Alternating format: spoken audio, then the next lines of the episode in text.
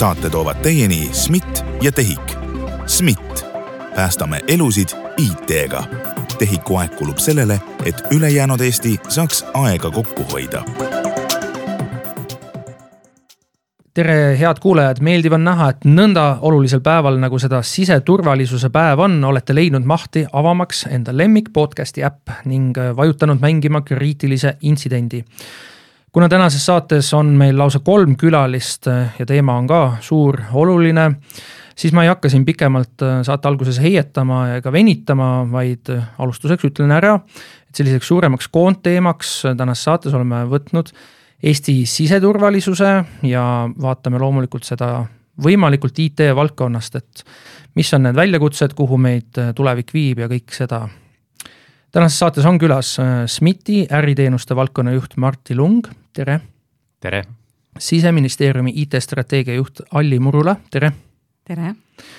ning kolmandaks külaliseks on Sisekaitseakadeemia teadur Jaanika Puusalu, tere. tere. ning mina olen endiselt saatejuht Ronald Liive esmalt ma küsiks natuke niimoodi, et siseturvalisuse päev, mis esimesel detsembril on, kuidas see, kuidas see teie tööd mõjutab? No eks ta ole ikka natuke selline pidulikum kui igapäevane töö, et natuke võib-olla mõtleme rohkem oma fookusteemadele ja, ja ministeeriumis toimub ka alati mingi väike tähistamine sel päeval. saab kooki ja torti ja? vot hetkel ei tea, loodan loodame, et saab. Kas keegi teist oskab äh, öelda mulle üldse, et äh, ma saan aru, et siseturvalisus, et väga palju inimesi, mida tegelikult meil Eestis töötab selles valdkonnas, aga kui me just läheme kohe sinna nagu IT-sse sisse, kui palju Eestimaa peale kokku on siseturvalisuse nii-öelda IT vaatest neid inimesi, suurusjärk? kui me täna võtame siseministeeriumi haldusala, siis me räägime umbes kaheksa tuhandest inimesest, kes töötavad siseturvalisuse loomiseks igapäevaselt, aga see on ainult haldusala töötajad, ehk sellele kindlasti lisandub terve hulk vabatahtlikke, kelle arvu mina peast öelda ei oska, võib-olla Alli siin täiendab mind. aga see on kokku kõik, et see, see ei ole just see nii-öelda IT-nurk siis sealt? ei, see ei ole IT-nurk. nii, ja kui me hakkame kokku. sealt rehkendama kedagi välja, siis alles jääks enam-vähem. keda me välja rehkendame? et alles no, jätta IT või? kui me konkreetselt IT-st räägime, siis äh, jälle meil on umbes nelisada inimest, nelisada viisteist on viimane täpne number. Ja sellele jälle kord tegelikult lisanduvad valdkonnas mõned vabatahtlikud, kes äh, teemaga tegelevad. sellest, et meil on olemas siseturvalisuses äh, näiteks politsei, tähendab politseis on olemas vabatahtlikud, kes, kes siis käivad ka abis, aga kuidas IT mõttes siis need vabatahtlikud on? üks hästi hea näide on meil see kodutütarde tehtud Ole valmis rakendus, ehk igaüks, kes seda rakendust kasutab, siis, siis tegelikult see on tehtud puhtalt vabatahtlikkuse alusel. Et see ei ole midagi, mida keegi kuskil ametkonnas või kuskil asutuses äh, tellinud, organiseerinud äh, ja teinud on. et ongi mõte tulnud lihtsalt vabatahtlike poolt ja ellu viidud ka kuidagi vabatahtlike poolt ma isegi ei tea, kust see mõte tuli, aga täna elluviimine järjekindlalt ja täiendamine käib vabatahtlike poolt. kas, kui ma nüüd paluksin, et te kõik võtaksite oma telefonid kätte, kas teil on Ole valmis äpp telefonis olemas? jaa. ja uuendate ka seda, kui tuleb uuendus välja alati? automaatselt. arvan küll, et läheb automaatselt uuendus peale jah, peaks sama vastama. meil on kolm külalist, me saime kaks head, kas me saame kolmanda ka viisakuse mõttes ikka saab hea, jah äpp on olemas. Äh, mul on ka tegelikult Ole valmis äpp on olemas äh, ja ma soovitan tegelikult kõigil see installida, sest et äh, meil on ju siin igasugu sündmusi toimunud, ma ei räägi ähm, kõige halvematest sündmustest, vaid kasvõi elektrikatkestused, asjad, et seal ju äpist saab väga põhjaliku ülevaate, et mis sul kodus võiks olemas olla selliseks juhuks, kui elekter peaks pikemalt ära olema. Ja see annab tõesti sellise väga hea ja mugava viisi, kuidas olla kursis, et mis on need asjad, mida vaja on. Mm, meil on aastakümneid juba tegelikult räägitud Eestis, et e-Eesti on uhke ja meil on digitiiger ja kõike seda. aga kui me vaatame seda siseturvalisuse poolt, kas see siseturvalisuse digitiiger, kas ta magab või ta möirgab? ehk kui, kui heal järjel ta on? tahate enne kommenteerida või see on puhas minu küsimus? et äh, minu subjektiivne arvamus on see, et äh, jookseb ringi. ma ei, nagu päris sinna ette rinda möirgama ei pane me kindlasti ei maga, me teeme väga palju nii palju, kui ma olen näinud seda tehnoloogiat, mida näiteks Euroopas kasutatakse, siis Eestil on siin mitmeid eeliseid, on ju, et me oleme suhteliselt väiksed, me oleme või noh, meil on süsteemid ja, ja lahendused äh, nagu tsentraalsed. Ja meil on ka ikka väga oluline, et, et näiteks politsei toimetab tsentraalselt, et me saame üle-eestiliselt suhteliselt lihtsalt IT-ga katta ja no viimase aja lahendustest äh, ma arvan, et ei ole palju neid, kes ees on. ja äkki täida-, täiendaks, et täiesti nõus äh, Martiga, et et meil tegelikult läheb päris hästi, et äh, olles ise varasemalt töötanud Europolis, näinud natukene teiste riikide lahendusi ja seda, mida Euroopa üleselt lahend-, Äh, arendatakse, siis, äh, siis just tegelikult noh, mis Martti välja tõi, see meie väiksus äh, on meie trumbiks. Me oleme siin kõik koos, me tegelikult teame, IT-majad teavad üksteist, inimesed teavad üksteist, me saame kasutada üksteise lahendusi, meil on valmisolek, meil on usaldus üksteise, üksteise lahenduste suhtes.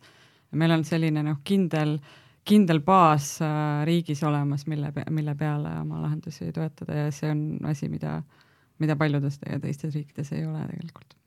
Aga samas praegu ei kõlanud seda, et me oleksime number üks ei maailmas ega mitte Euroopas. mis, kus seal mujal midagi paremat tehakse? ja kuidas sa mõõdad seda, kes on number yeah. üks? ma umbes ka jätsin sinnasamasse kategooriasse jääks, aga tegelikult ju hästi palju taandub ka siia õigusruumi, et ma arvan, et ka sisekaitse valdkonnas näiteks äh, väga innovatiivseid, ma ei tea, videost inimeste tuvastamised ja kõik, kõiksugu muud isikustamised, asjad ei ole meie õigusruumis need asjad, mida me teha saame, aga on ju riike, keda me teame, et teevad seda. ja teevad seda suhteliselt edukalt ja kus tehnoloogia kasutus on selle võrra ka suurem.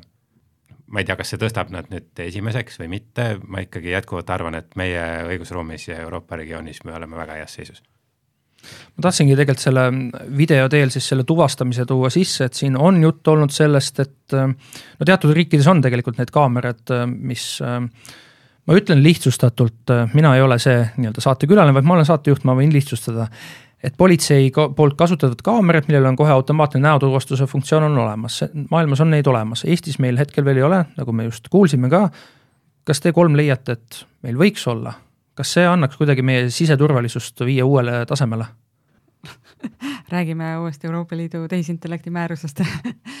et äh, meie näeme, et äh, sellise, selline vajadus politseil teatud juhtudel kasutada sellist tehnoloogiat äh, on kindlasti olemas. me oleme kindlasti huvitatud sellest, et meil politseil oleks võimalikult äh, kaasaegsed tehnoloogilised lahendused küll aga on küsimus selles, et mille jaoks neid kasutada, kus kasutada ja kes neid kasutab, et seal oleksid ikkagi piirangud peal. Et, äh, et sellised äh, tehnoloogilised lahendused, noh tõesti, kui me räägime reaalajas, eks ju, isikutuvastusest kaamerapildis, et, et need on ikkagist asjad, mida, mida peaks kindlasti nagu reguleerima, kindlasti vaatama, et neid ei saaks nagu iga politseinik suvalisel hetkel kasutada, et, et, et seal me näeme kindlasti vajadust regulatsiooni järgi aga me näeme ka vajadust, et neid lahendusi saaks kasutada ja mitte midagi ära keelustada otseselt. Kas kuskil maailmas on selline lahendus loodud ilma sellist nii-öelda suurt venda loomata? sellist näidet, ma arvan, mina ei tea. aga eelmisele küsimusele vastates, siis ma tegelikult olen Alliga samas paadis ja mõtted, mis mul vahepeal juurde tekkisid, on see, et, et okei okay,, et üks asi on see, et me räägime sellest, et meil on äh, videofeed, me tuvastame sealt inimest, olgu see kas või politseiniku vormikaamera aga tegelikult äh, me ei pea tuvastama kohe inimest, vaid me saame teha palju rohkem, me saame tuvastada, ma ei tea, emotsiooni, käitumismustrit äh,, mingit muud asja, mis on seal feed'is olemas, mis ei seostu kuidagi meie isikuandmetega otseselt ja mis annab äh, kindlasti näiteks politseiniku töös väga palju juurde. aga mul kohe tekib küsimus, et mida ta juurde annab, et kuidas? ohuhinnangu, et sa saad äh, tegelikult sellest videopildist äh, ohuhinnangu võib-olla paremini kui see, mis on inimese tunnetus. sellise kirjelduse peale mul tekib kohe peas mõte, et äh, kui need politseinikel, mida üha rohkem neid äh, kehakaameraid on tulnud, kui neil oleks olemas nii-öelda online ühendus ja siis seal on selline tuvastussüsteem, ta tuvastab paremini ära, et see inimene, kellega politseinik räägib, vot tema näoilme reedab seda, et ta ei ole heade kavatsustega. kas, kas te näete, et tehnoloogia abil saaks siis kuidagi kohe automaatselt, automaagiliselt kutsuda nii-öelda lisapatrulle sinna appi? kas tehnoloogia, loomulikult saab kutsuda appi, see on äh, kõige lihtsam case, et kui me räägime mingist konkreetsest äh, lipust kuskil, mis pannakse püsti süsteemis, mis tähendab seda, et lisapatrullid lähevad asukohta appi, see teostus tundub nagu väga lihtne, on ju. Aga nüüd küsimus on, et kuidas seda otsust ikkagi teha ja täna tegelikult igasugused ressursi väljasaatmise otsused on inimeste otsused. et see seal vahel on alati see inimene, kes vähemasti valideerib seda, et, et mis siis tegelikult on see, mis mingisuguse alerdi või mingisuguse lipu põhjustas ja siis ka selle, et kas, kas seda lisajõudu on sinna vaja või ei ole. Ma läheks äh, nüüd äh, nii-öelda tagasi algusesse ja ma küsiks teie kõigi käest, et, äh, et Marti, teie ametinimetuseks oli siis SMIT-i äriteenuste valdkonna juht. kui te nüüd peate äh, täiesti suvalisele inimesele tänavalt seletame lahti, mis on teie igapäevatöö, mida te teete, siis kuidas te seda teeksite? ma vastutan selle eest, et siseministeeriumi haldusalas IT-arendus toimiks. see tähendab seda, et mul tegelikult on äh, selleks seitse osakonda ja veel mõned inimesed, äh, kes äh, teostavad arendusi, hakkab pihta rahvastikuregistrist, mis on kogu e-teenuste alus Äh, siis on äh, hulk politseisüsteeme, hulk piirisüsteeme, hulk äh, dokumentidega seotud süsteeme, pääste ja häirekeskus. ehk siis tegelikult väga arvestatavas hulgas IT-arendusi, mis puudutavad väga erinevaid asutusi ja ka väga erinevaid süsteeme. Läheme siis edasi, Alli, täpselt sama küsimus teile. siseministeeriumi IT-strateegia juht, mis on see, mida te päevast päeva teete? päevast päeva tegelikult tegelen äh, üsna suures osas sellesamaga, millega Marti, ehk siis vaatame meie IT-arendusi, aga meie fookus on just see äripool, ehk siis meie vaatame, et meie IT äh, äh, viiks ellu neid eesmärke, mida meil on kokku lepitud valitsemisala üleselt, ehk siis meil on IT-strateegia, mis lähtub meie tegelikult siseturvalisuse arengukavast ja meie teisest arengukavast, mis on äh, sidusa Eesti arengukava, mis siis käsitleb rahvastikuregistri arenguid. Täpsemalt, et me, et mina vaatangi, et meie arendused jälgiksid meie strateegilisi eesmärke ja samas siis olen ka esimeseks kontaktpunktiks tegelikult äh, ministeeriumite omavahelises äh, omavahelistes aruteludes ja, ja jälgin ka seda, et riigiüleselt äh, kokku lepitud eesmärke täidaksime ka valitsemisalas, ehk siis me räägime eelkõige digiühiskonna arengukavast, mida siis Majandus- ja Kommunikatsiooniministeerium on kokku pannud. ja kolmandaks külaseks on meil Jaanika Puusalu, Sisekaitseakadeemia teadur. kas teie igapäevatöö on midagi analoogset või midagi muud? jah, eelnevatega võrreldes on minu päevatöö väga teoreetiline ähm,, erinevalt nendest äh, praktilistest lahendustest, et äh, äh, peamiselt on siis niisugune teoreetiline toetav diskussioon ja, ja uurimine sel teemal, et, et kuidas siis ühes digitaalselt võimestatud riigis siseturvalisus just sellise IKT, IT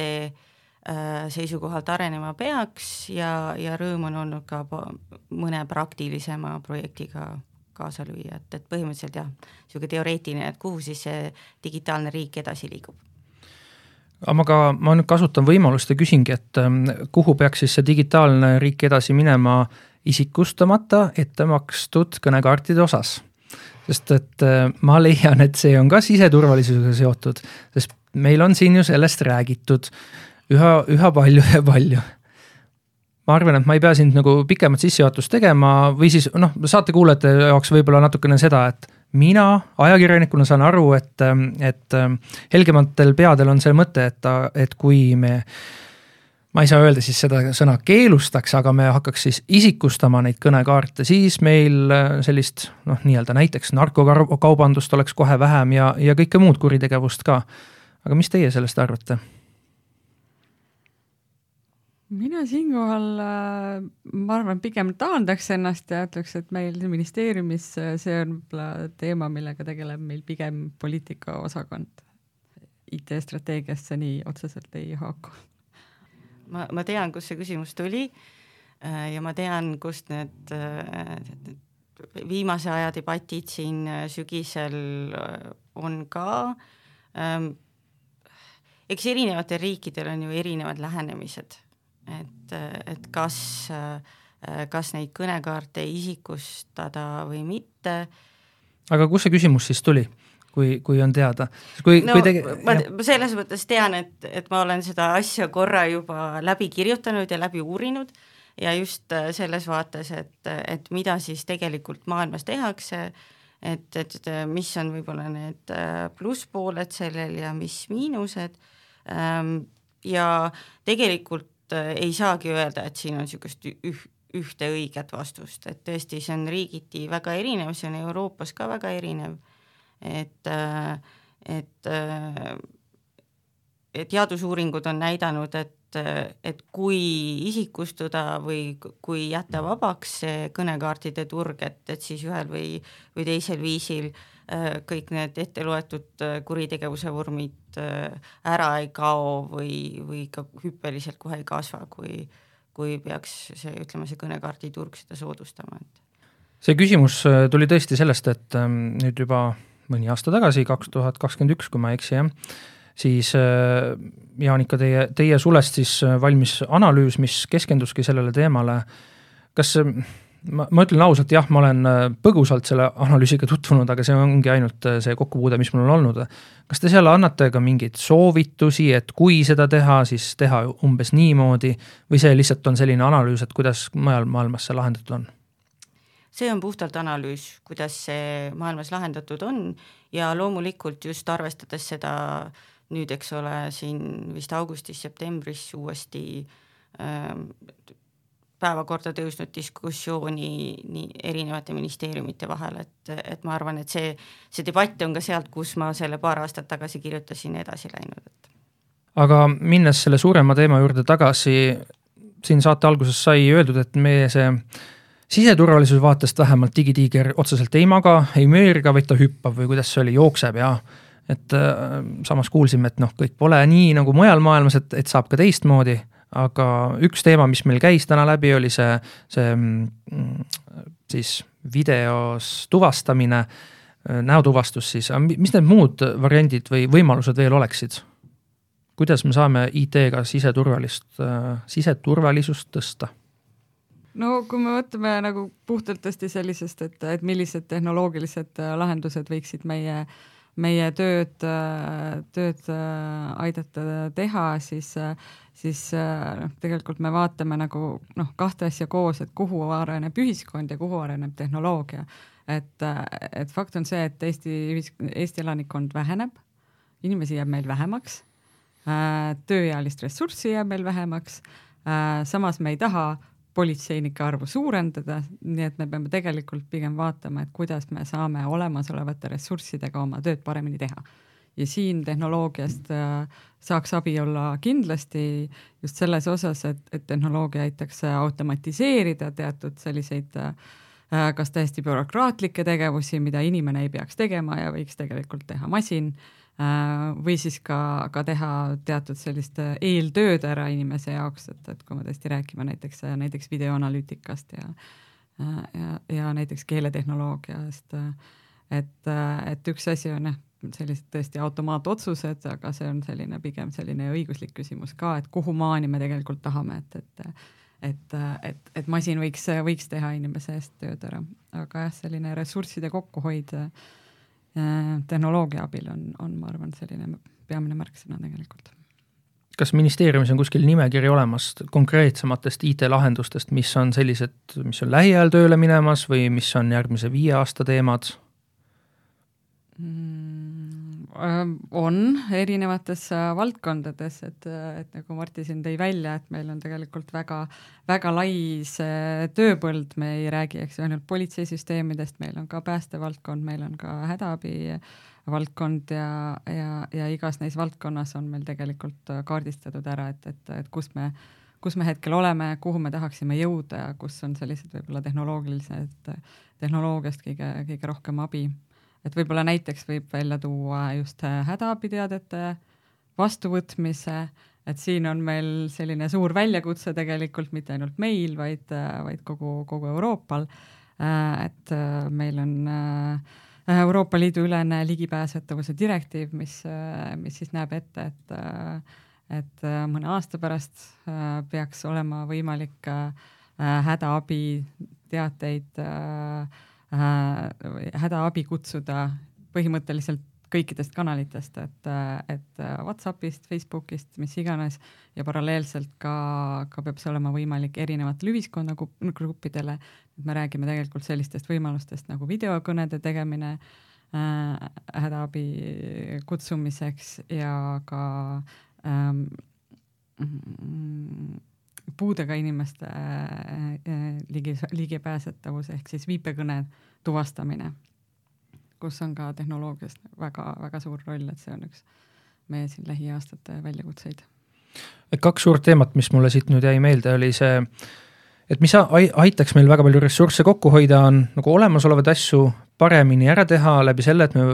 rakendame siis tehnoloogiat, ehk siis näiteks proaktiivsed mingised ähm, nii-öelda teenused, siis kui ma kirjeldan seda natukene maakeeli lahti, ma küll ei ole kunagi, käsi südamel, ma ei ole kunagi äh, nii-öelda kiiruse ületamise trahvi saanud, mind ei ole politseiautosse kutsutud, aga ma eeldan, et seal või Marti, kas te olete või? et ma, ma kindlasti olen saanud kiiruseületamise trahvi jah, mingi aeg. nii naljaga öeldes, siis neid teenuseid ju peab testima ka, mille arendusega igapäevaselt kokku puutud aga ma just mõtlesingi seda, et. sellest on väga pikalt möödas, kui ma seda viimati tegin. kui, kui nii-öelda proaktiivne digitaalne, vot siis see, et trahvi saamine teenus on, et kas seal on, politseinik peab ise kõik nagu sisse tippima, see autoregistri number ja nii edasi kõik või on seal ka juba midagi tehtud selliseks ähm, väga innovaatiliseks, et äh, kaamera on autos olemas, seal politseiautol, et ta loeb selle numbri välja, paneb ise sinna, paneb juba, et kes seal vastutav kasutaja on, et annab sulle nii-öelda valikust menüüst, et äh, kas üks neist inimestest oli praegu roolis ja nii edasi? me päriselus oleme seal kahe vahepeal, aga kui ma, ma kerin natuke tagasi seda, et äh, ma praegu hakkasin ise mõtlema, et äh, tegelikult viimati, kui mina seal politseiauto tagaistmel istusin, siis vormistati kõike paberi peal. et täna me oleme teinud juba suure sammu edasi, et meil on tahvelarvuti, kus on kogu vormistamise võimekus ja see vormistamise võimekus endas sisaldab ka seda automaatikat alates sellest, et äh, ma saan selle autonumbri järgi kätte just needsamad autokasutajad äh,, et ma saan selle, kui ma isikukoodi sisestan või dokumendi numbri, siis ma saan selle isikuandmed kätte äh,, ehk siis äh, kindlasti on selle sisestamise maht oluliselt vähem. noh, loomulikult jääb alles see pool, mis on see nii-öelda kodanikuõigus, ehk äh, ma pean ikka selle põhjenduse tõenäoliselt sinna kirjutama Mm, ja ma pean seda ise kuidagi kinnitama, ehk siis näpuga joonistatud allkirjaga näiteks. Aga kindlasti oleme väga suure sammu edasi teinud ja see võimekus, mis täna kas või sealsamas patrullautos on, on tegelikult väga hea. ja, ja see puudutab nii selle patrulli tööülesandeid äh, nagu, nagu enda tööülesannete saamist, kuidas ta saab tööülesandeid, puudutab seda, kui ta tegeleb kellegi konkreetse kodanikuga ja tegelikult äh, puudutab ka seda, et kas ja kui palju ta näeb, et kui palju teised ressursid näiteks äh, appi tulemas on, ehk siis sündmused ei ole ju alati ainult politseisündmused, vaid on komplekssündmused äh,, siis äh, seda informatsiooni, mida me täna läbi IT-süsteemi suudame patrullile pakkuda, on äh, omajagu. Tahtsin lihtsalt ära mainida, et minu süda läks soojaks siis, kui ma kuulsin, et ma panen nii-öelda selle nii-öelda ühte patta nüüd ja ütlen, et,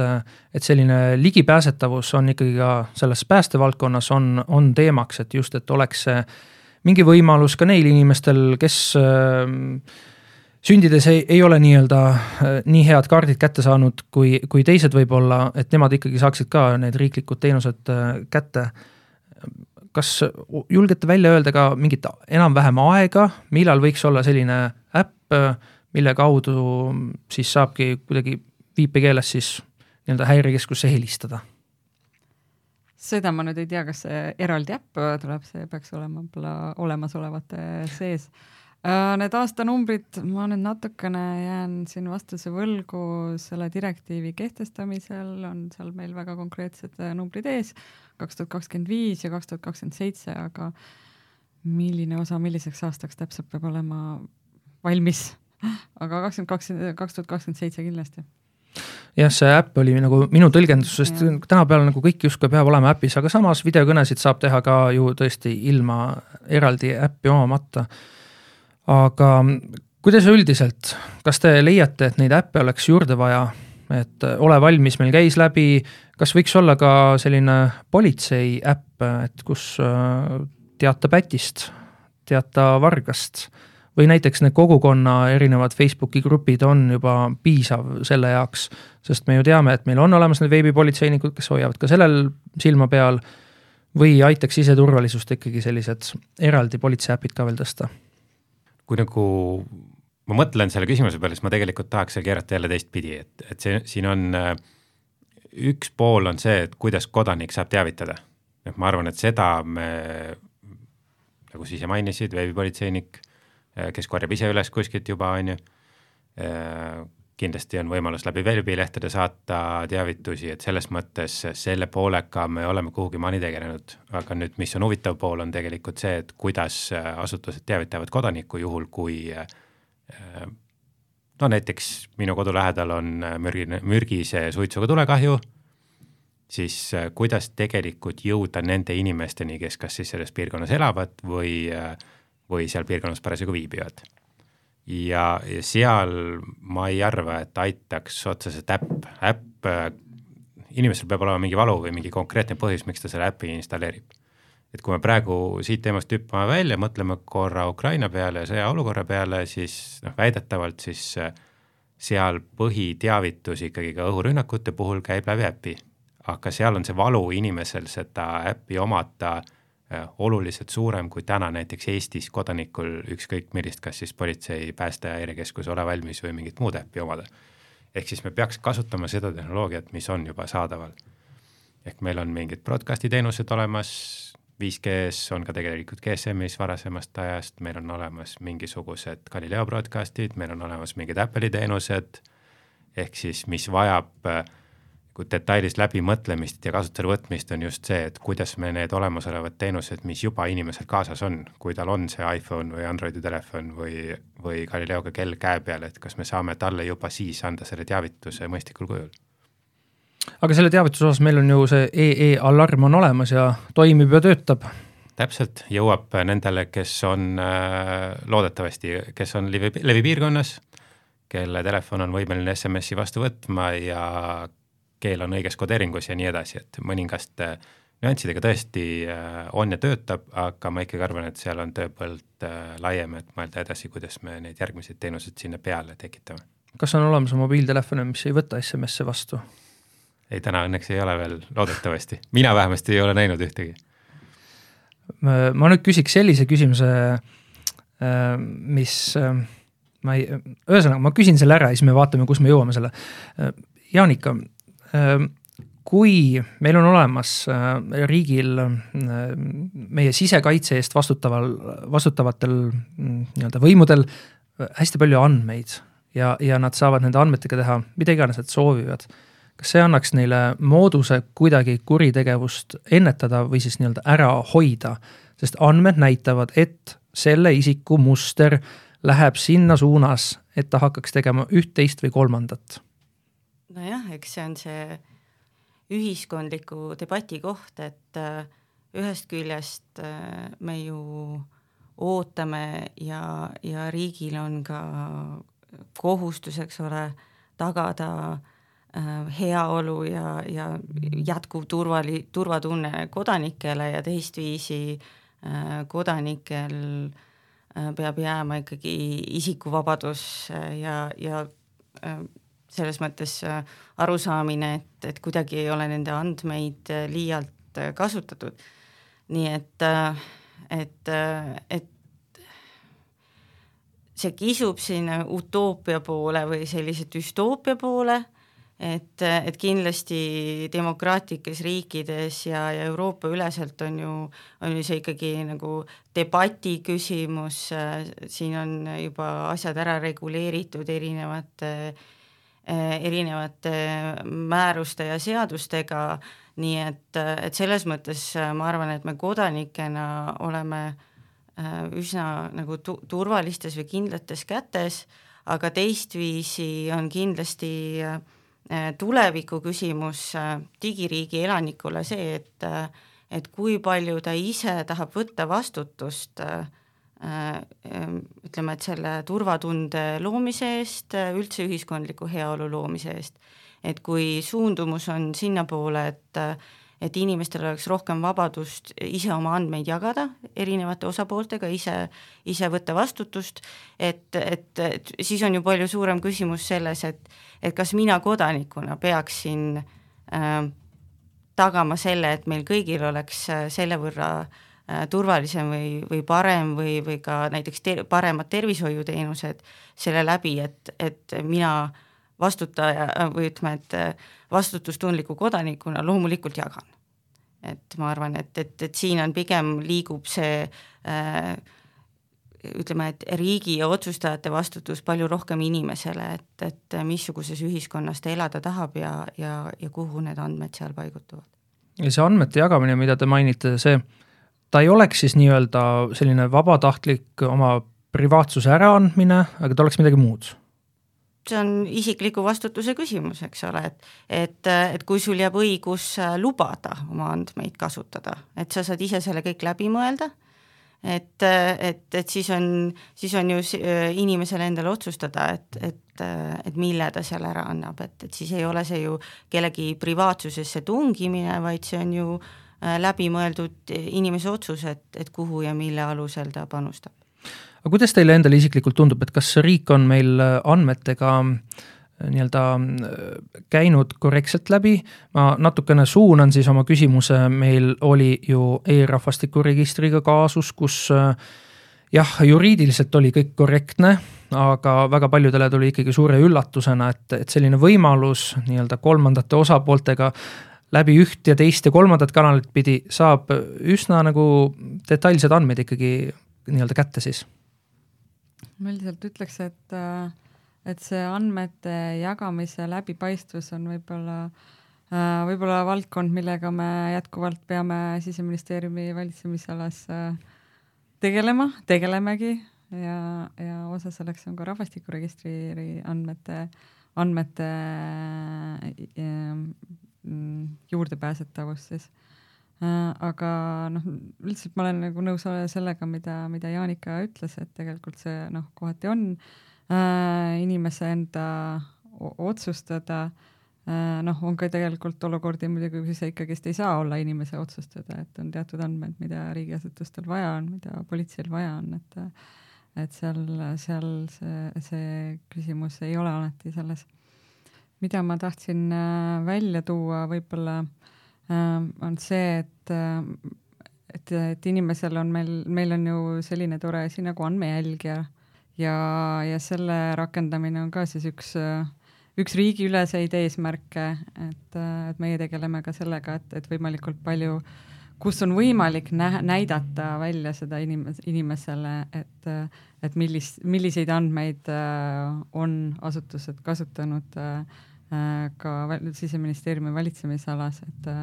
et see alati ei ole võimalik, aga, aga see on ka tegelikult üks meie, meie fookus siin lähiaastatel, et me seda ikkagist ka äh, läbipaistvamaks teeksime. kas, kas nat..., kas selle läbipaistvama juurde kuulub ka see, et praegu teadusuuringud, mille puhul see on siis kasutatud seda masspäringut, need ei jõua andmejälgesse, kas, kas need hakkavad sinna jõudma? Äh, see on üks teema, mis rahvastikuregistri äh, tulevikuarendustes äh, tuleb läbi analüüsida, ma siinkohal mingeid veksleid selle koha pealt välja ei, ei käi, aga, aga, aga vaatame sinna sisse täpsemalt, kuidas see oleks võimalik. Andmejälgiga selles mõttes on tegemist, on siis pidevalt täieneva teenusega meie vaates või noh, tegelikult on ta üks äh, MKM-i ja RIA poolt äh, ostatav teenus, mida meie kasutame, äh, siis meie tegeleme jooksvalt selle otsaga, et järjest rohkem neid päringuid, mida siis isiku kohta tehakse meie süsteemidesse või meie andmetesse, et need kõik oleks ka isikule nähtavad, et kindlasti tegeleme sellega, et andmejälgijas oleks ka siis need sinu mainitud päringud näha. Üks asi, milles äh, varasemates äh, osades meil on siin saates juttu olnud, on, on selline asi, et äh, politseinike jaoks on töös olnud üks äpp, mis võimaldaks neile sõna otseses mõttes nii-öelda põllult siis inimeste sõrmejälgi lugeda ja siis süsteemis kontrollida, et mis siis antud isikuga toimub, näiteks kui on kadunud inimene, leitakse keegi kuskil, et et siis tuvastada, kes ta on. oskab keegi teist öelda, kui kaugel sellise äpi arendus on, kas see on veel endiselt kuskil idee tasandil või on ta kaugemale jõudnud? ma nüüd vastan täiesti tehnoloogia seisukohast, ehk siis eh, ma tean ja olen näinud sedasama development kit'i, mis vähemasti demotootena suudab seda teha, ehk siis ta suudab kaamerast, eh, kaamerapildi pealt eh, võtta sõrmejälje, mille ütleme, või no mis, mille kasutus või mille võrdlusvõimalused on vähemalt sama head, kui seda on äh, kriminalisti poolt käsitsi tehtava võrdluse puhul. ehk siis äh, vähemasti on ka uuringud, mis seda toetavad, nii palju kui mina neid lugenud olen. ehk praktiliselt on ta olemas äh,, aga nüüd küsimus on nendes kasutusjuhtudes ja ku, kuidas sa sedasama kus, kus sa selle äpi või kus sa selle kasutusele võtad, et üldiselt vaadates siis äh, politseipatrullil täna on võimekus telefonirakendusega teha teatud päringuid ja teha teatud toiminguid, ehk siis tal on juba mobiilis olemas teatud võimekus. nüüd äh, täna seda konkreetset äh, seal ei ole ja ma arvan, see vajab arutelu, et mis on siis need juhud, kui ta seda kasutada üldse võiks ma ei saa hetkel kuidagi üle ega ümber ka nii-öelda aktuaalsetest, aktuaalsetest teemadest, mis äh, leiavad hetkel aset meie idapiiril, jah, meil idapiir on te tegelikult täiesti eraldi teema, temaatika nii IT-võttes kui, kui ka teistes mõtetes siis. et äh, me teame, et seal on olnud ähm, väga suurejoonelised plaanid, mida on aastate jooksul nagu väiksemaks tõmmatud ja nii aga kui meil on selline reaalne juhus, et midagi seal parasjagu toimub, kas te näete, et me saaks kuidagi IT abil ka midagi nagu kiirelt kuidagi ära lahendada, et niimoodi, et meie siseturvalisus oleks äh, viidud järgmisele tasemele? no esimene asi on, mida IT aitab, on see tuvastada, mis seal piiril toimub et me tagasi lähme sellele, millest me alguses rääkisime siin, see videovõimekus, et et oleks võimalik lihtsalt tuvastada seda, et meil on väga pikk piir, eks ju, et me ei pane sinna ju, ju iga kümne meetri tagant, eks ju, piirivalvurit, et et kuidas me tuvastame üldse seda, et mis, mis piiril toimub ja kas see, kes üle piiri tahab minna, on karu või inimene. et, et see on võib-olla esimene, esimene etapp, kus tehnoloogia kindlasti aitab ja teine pool, millele mina mõtlesin praegu, on seesama, et kui me nüüd jõuame sinnamaani, et see inimene tegelikult on Eesti ametivõimude juures, oletame, et ta näiteks äh, piirivalvuriga saab kokku kuskil, siis äh,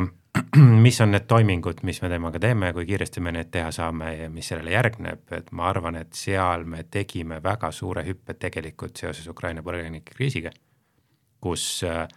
Eesti jõudis põhimõtteliselt äh, lahenduseni ja see on IT ja, ja nüüd see nii-öelda vormistamise töö koos, ehk see ei ole ainult IT-lahendus, vaid see on kõik koos äh, lahenduseni, kus tunni aja jooksul me suutsime kolmanda riigi kodanikuga laua ääres äh, jõuda tema tuvastamiseni, asüüli taotlemiseni ja ka elamisloani siin, mis ja selle elamisloa otsuseni ja dokumendi tellimiseni. ehk mis, mis oli väga suur hüpe nagu igas, igas mõistes edasi, et seda äh, paljud meie naaberriigid selliselt ei lahendanud. aga see, see näide kehtis siis äh, reaalsete sõjapõgenike puhul, mitte siis praegu, kui meil on nii-öelda sellised mm, majanduspõgenikud siis? see annab, selles mõttes on õige, et asüülitaotlus kui selline jah, antud kontekstis tõenäoliselt, kuigi Soome näitel tegelikult nad tulevad ka asüüli taotlema ehk äh, kogu taotlusprotsessi loogika põhimõtteliselt jääb samaks, neid tehnoloogilisi vahendeid me saame kasutada ja, ja ülejäänu osas jah, ma olen Alliga päri, et meil on, kus meil veel on tööpõld lai, on just see tuvastamise pool. ehk kuidas me tegelikult seda piiri valvame, mis on, mida teeb tehnoloogia ja mida teeb inimene ja kuidas see kõik kombineeritud on lõpetuseks ma teeks veel laua ümber ühe väikse ringi ja küsiks kõigi käest, alustame Martti taas teist et kui me nüüd äh, kohtume, paneme, paneme tähtajaks ähm,, paneme sellise, mis on natukene tulevikus, aga ta on veel ikkagi hoomatav, ütleme kolme aasta pärast. kolme aasta pärast kohtume siinsamas näiteks mikrofoni taga, räägime taaskord äh, siseturvalisust, äh, siseturvalisusest ja IT-st, siis mis on need soovid, mõtted, kus te tahate, et me oleksime kolme aasta pärast? no kindlasti üks näide on seesama see äpi küsimus, mis sa ise siia lauda tõid et ma tegelikult tahaks näha, et oleks see võime, võimekus, et me suudaks kas või suurõnnetuses ohvreid tuvastada mingilgi mõistlikul kujul äh, rakendusega ja kohe, on ju. ja üldiselt mu mõte kogu selle küsimuse peale läkski biomeetria ja biomeetria kasutuse poole. ehk äh, täna tegelikult umbes nädal tagasi sai üks niisugune koodnimetus nagu ABIS projekt läbi ja laivi, millega Eesti riigil tekkis juba äh, päris arvestatav biomeetria andmebaas äh,, mis on ka kord siit avalikkusest äh, nii mõnedki kord läbi jooksnud, et ma tahaks näha tegelikult seda, et äh, et selle informatsiooni kasutamine paraneks ja kasutamine minu vaates paraneks just tehnoloogia vaatest, ehk täna me näiteks teame, et äh, et biomeetria võrdlus suurte andmebaaside vastu on väga ressursimahukas ja suhteliselt aeglane, siis ma tahaks näha seda, et me suudaks selliseid lahendusi pakkuda kiiremini äh, mingisuguste mõistlikumate otsingualgoritmidega äh, ja, ja huvitavate tehnoloogiliste lahendustega. Ma nüüd enne, kui me lähme edasi teiste külaliste mõtetega, siis küsin, kas see ABIS andmebaas, mida sai mainitud, on seesama, kus, kus siis taaskord nüüd äh, sõrmejäljed, kui tänapäeval endale uut ID-kaarti või passi tahta, siis sa pead oma sõrmejälgedest nii-öelda koopia jätma süsteemi maha. see abis puudutab siis neid sõrmejälgi ja nende nii-öelda kasutamist. just. ja kasutamist mitte ka ainult politsei poolt, vaid ka teiste nii-öelda näiteks EMO-s. et kui sinna tuleb isik, keda ei suudeta kuidagi tuvastada, siis teoorias võiks seal olla see riistvara, millega saaks sõrmejälje abil siis isiku tuvastada see on teoorias üks pool, aga tegelikult jälle kord äh, IT-nurga pealt vaadates, siis äh,, siis võib-olla isiku tuvastamine ei olegi ainuke selline teenus, mida nende andmete pealt teha saab. et näiteks äh, lihtne teenus võiks olla vanusekontroll. et sõrmejälg, ma ütlen, kas on üle kaheksateistkümne või ei ole. lihtne, iseenesest võiks toimida tehniliselt võiks olla ka teostatav, täna me kindlasti sellist tüüpi teenust seal peal ei oma ja nagu... isik, isikuandmetega ei lähe ka nagu vastuollu. see on küll äh, huvitav lahendus äh, lihtsale probleemile, kui piisab ka lihtsalt ID-kaardi või passi vaatamisest, kus on näha sünnikuupäev ja, ja see annab juba vastuse, et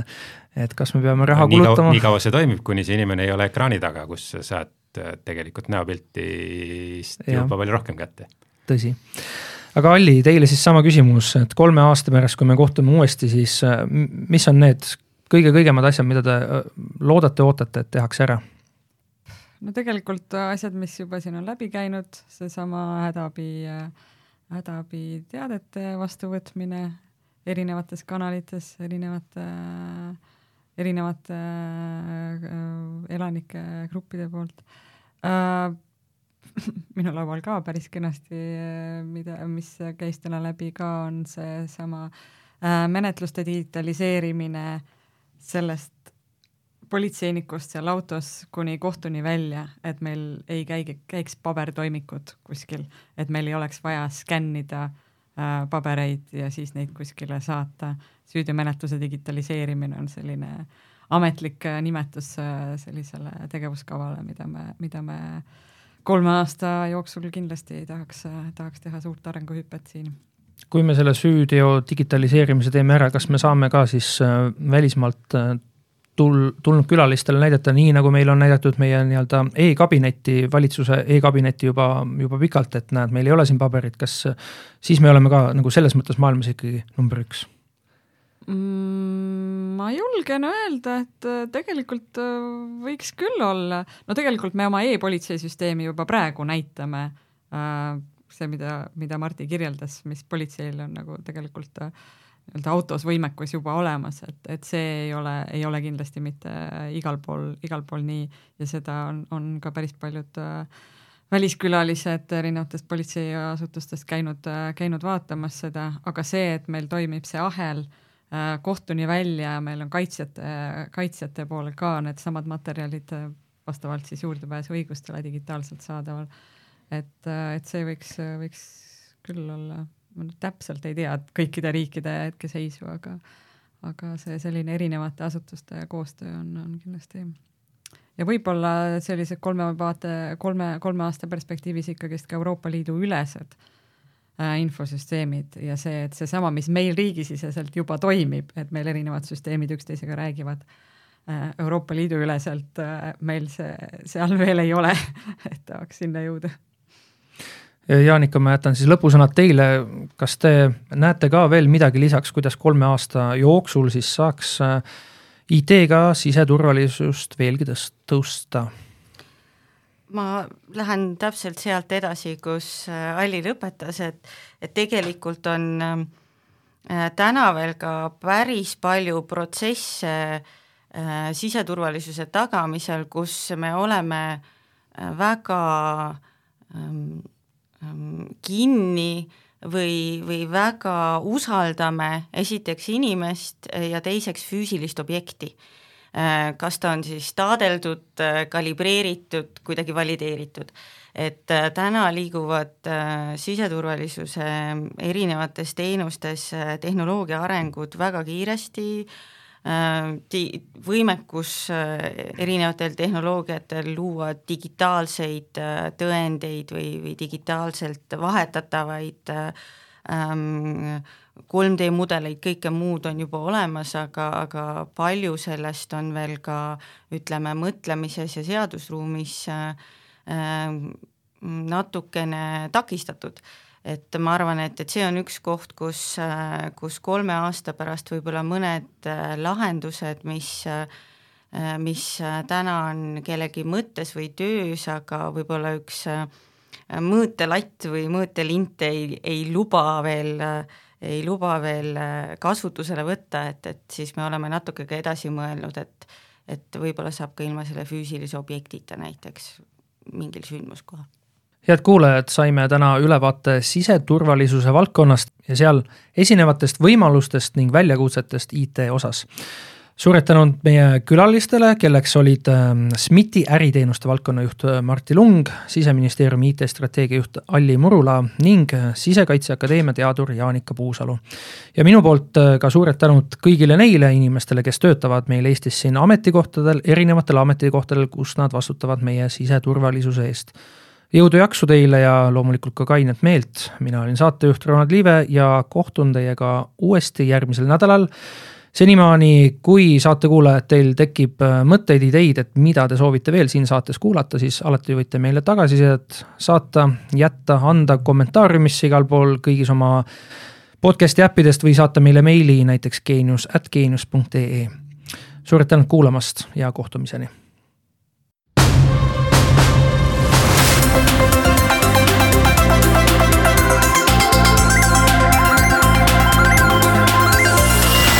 saate toovad teieni SMIT ja TEHIK. SMIT, päästame elusid IT-ga. TEHIK-u aeg kulub sellele, et ülejäänud Eesti saaks aega kokku hoida